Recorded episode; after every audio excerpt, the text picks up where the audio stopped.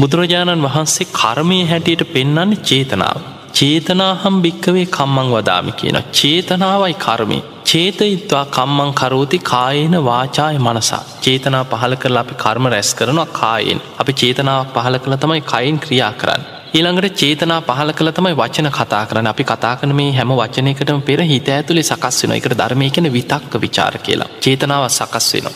මනසා අපේ හිතෙන් හිතනවා ඒ කතා කරන්න යන දේගැන හිත ඇතුළේ ඊට පෙර සකස් වෙනවා. එතකොට මෙන්න මේ චේතනාව තමයි කර්මය. ක්‍රියාව නෙමේ ක්‍රියාවට පෙර ක්‍රියාව සිද්ධ වෙන චේතනාවක් එක්ක. එතකොට චේතනා පහල කළ අපි හිතෙන් හිතනකොට චේතනා පහල කළ වචන කතා කරනකොට චේතනා පහල කළ ක්‍රියා කරනකොට මේ චේතනාව තුළ තමයි කර්මි චේතනාහම් භික්කවේ කම්මං වදා. එතකොට චේතනාවමයි කර්මය ඒ විදිහට අපි රැස් කරගන්න කර්ම පුුණ්්‍ය සහගත කර්ම කරනකොට පුුණ්්‍ය කර්ම රැස්වෙනවා. අකුසල් කරනකොට අකුසල කර්ම රැස්වෙනවා. දැන් ඒ නිසා තමයි සිත කය වචනය කියෙන තුන්දොරීම පින් කරන්නත් පුළුවන් තුන්දොරිම අකුසල් කරන්නත් පුළුව දානයක් ගැන වුණත් දානි ගැන හිතන්න හිතන්න දානමේ චේතනා හිතේ පහළ වෙන. ඒ දානි ගැන කතා කරන්න කතා කරන්න වචනය තුළින් දානයක් උදෙසා චේතනා පහළ වෙලා කර්ම රැස්සෙන. ඊළඟට දානය දෙනකොට දානයට සූදානන් වෙනකොට තමන්ගේ කයවෙහෙසීම තුළ චේතනා පහල කරලා මේ සිතකය වචනය කියෙන තුන්දොරින්ම දානයක් වෙනුවෙන් කර්ම රැස්සෙන. දැන් ඒ තුළ ප්‍රබල කර්ම හැටියට ගත්තහම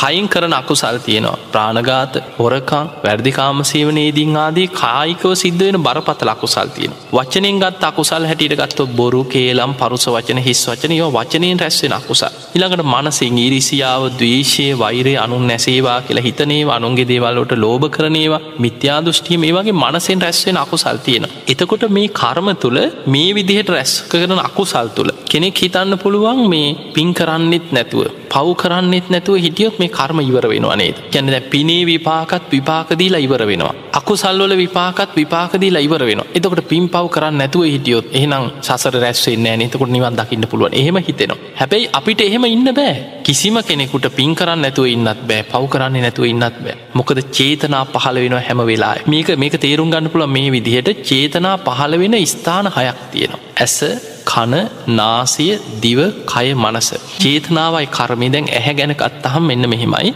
ඇහැට රූපයක් පේන්න නම් ඇහැයි රූපයයි විඤ්ඥානය එකතු වෙන්නට ඕන්. ඒ අපි ධර්මය කෙන ඇහෙහි ස්පරසය කියලා. ඒ ඇහැට රූපයක් පේනකොට ඒ පේන රූපය ගැන විඳීමක් ඇතිවෙනවා ඒක තමයි ධර්මය වේදන අවේදන උපාදානස්කන්දී විඳින රූපය හඳුන ගන්න එකට අපිකෙන සංඥාව. මේක පුද්ගලේද්ද ගහද්ද ගලද්ද නිල් පාටත රතු පාටද ඒ හඳුනගන්නි සංඥාවේ ඒ හඳුනගන්න දී ගැන චේතනාවක් පහළ වෙන ඒකට කෙන සංස්කාර. අන්නේ චේතනාව තමයි කර්මයක් වෙන්න. එතකොට ඇහැට පේන රූප ගැන චේතනා පහල කරනවා. එක තමයි රූප සංචේතනා. ඒක කර්මයක්. කනට ඇහෙන සබ්දය ගැන චේතනා පහල කරනවා. සබ්ද සංචේතන. නාසේත්‍ර දැනෙන ගඳ සුවඳ ගැන චේතනා පහල කරනවා. ගන්ධ සංචේතන. දිවට දැනෙන් රස ගැන චේතනා පහල කරනවා. රස සංචේතන. කයිට දැනෙන පහස ගැන චේතනා පහල කන පොට් අබ සංචේතන. මනසෙන් හිතන අරමුණක් අරමුණක් පාසා චේතනා පහල කන එතකොට ඒව කරම. එතකොට කොහොමද කර්ම රැස් කරන්න ඇතුවයි අපිකම ඇස් දෙකම පේෙන් නැති කෙනෙකුට ඇහෙන් කරම රැස්සෙන්නෑ කියල්. කන් දෙකම ඇහෙන් නැත්නම් ඔන්න ඒ පැත්තත් ටිකක් අඩුවෙනවා දැන් එහෙම හිතන්න පුළුවන් අහෙනම් ඇස් දෙකෙන ඒගේ ඇහැ කන නාසි වෙන්නම් කර්ම රැස්වෙන්නේ ඇස්පේ නැති කෙනට නම් කර්ම රැස්වෙන්නේ ෑන කං ඇහෙන් නැති කෙනට කර්ම රැස්වෙන්නේ ෑන කෙන නාසීට මොකද කරන්න තක දීවට කනබොන දේවල් එක් කර රස තෘෂ්ණාවත් එක්ක කර්ම රැස්වෙන කායිට දැනෙන පහසත් එක්ක කර්ම රැස්සෙනවා ඔය මොනව නැතත් හිතෙන් කොච්ච රකුසල් රැස් කරනවත් ඒවා ගැන හිත හිත චේතනා පහල කර කර හිතෙන් කර්ම රැස් කරන ඒ නිසා අපි කාටවත් කර්ම රැස් කරන්න නැතුව ඉන්න ක්‍රමයක් නෑ. බුදු කෙනෙක්කත් එහෙම ක්‍රමයක් දේශනා කරන්නේ බුදුවරු පහළ වෙලා පෙන්නල දෙන්න හැමවෙලේම කර්ම රැස්වෙනවා හැබැයි අපිට කරන්න එපා කියන්නේ එක කොටසක්. සබ්බ පාපස්සා කරන කරන්න එපා කියන්නේ සිතකය වච්චනයෙන් පාපී අකුසල කර්ම කරන්න එප. අන්නේ වැැන් විතරක් වලකින්න කියනවා. කරන්න ඕන කර්ම තියනවා. කුසලස් උප සම්පදයිවත් කර්ම තමයි. කුසල්. ඒව කරන්න කියන එතකොට අකුසල් පැත්තට යොමු වෙච්ච පාපි අකුසල කර්ම කරන්න එපා. කර්ම කරනවා නං සිතකය වච්චනයෙන් චේතනා පහල කරලා කුසලස් උප සම්පදා කුසල් පින් ඒ කර්ම රැස් කරන්න. සචිත්ත පරියෝධපන. ඒකත් කර්ම. භාවනා කරනකොටත් පහළ වෙන්න කර්ම. හිටකිනවා ආනින්ජාවි සංස්කාර කියල. දිහාන භාවනා කරනකොට හිත තුළ පහළ වෙන කර්ම. ඒව රැස් කරන්න සචිත්ත තමන්ගේ හිත දමනය කරන්න භාවනාව තුළත් කර්ම රැස්වෙනවා. එතකොට මේ විදිහට කර්ම රැස් කරනකොට අපි සීල සමාධි ප්‍රඥා හැටියට මේ නිවන් මාර්ගය තුළ කර්මය ප්‍රහාණය කිරීම පිණිස යන මාර්ගයක් ඒ ආර්යෂ්ඨායික මාර්ගය පෙන්න්නන්නේ කම්ම නිරෝධගාමනී ප්‍රතිපදා. ඒ විදිහට ධර්මය වඩලා කෙනෙක් නිවන් දැක්කට පස්සේ රහතන් වහන්සේලා ගැන කියන්නේ පුුණ්්‍ය පාප පහිනස්ස නත්ති ජාගරතෝ බයන් කියනවා. පිම් පව්වල විපාක දෙන්න පරිසරයක් නෑ කියෙන ඉප දෙන්නේ නැත්නම් පිනේ විපාක දෙන්න තැනකුත් නෑ පවය විපාක දෙන්න තැනකුත් නෑ ඉපදීම නැති කරගන්න. ඒ අරෙන්න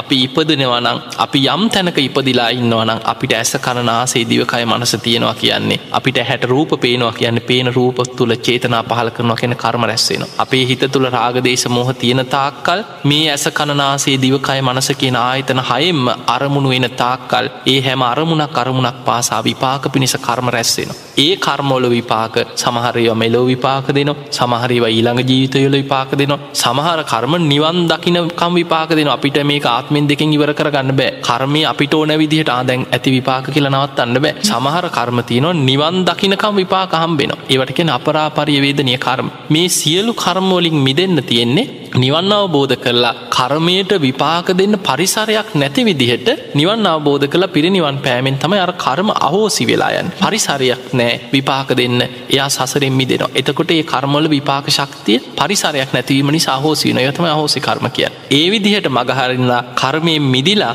ඒ මාර්ගය ගමන් කළ ධර්මාබෝධි ලබනවා මිසක් අපිට විපාක පිණිස කර්ම රැස් නොකර ජීවත් වෙලා කර්මෝලින් බේරෙන්න්න පුළුවන් ක්‍රමයක් ධර්මය නම් සඳහන් වෙන්නේ නෑ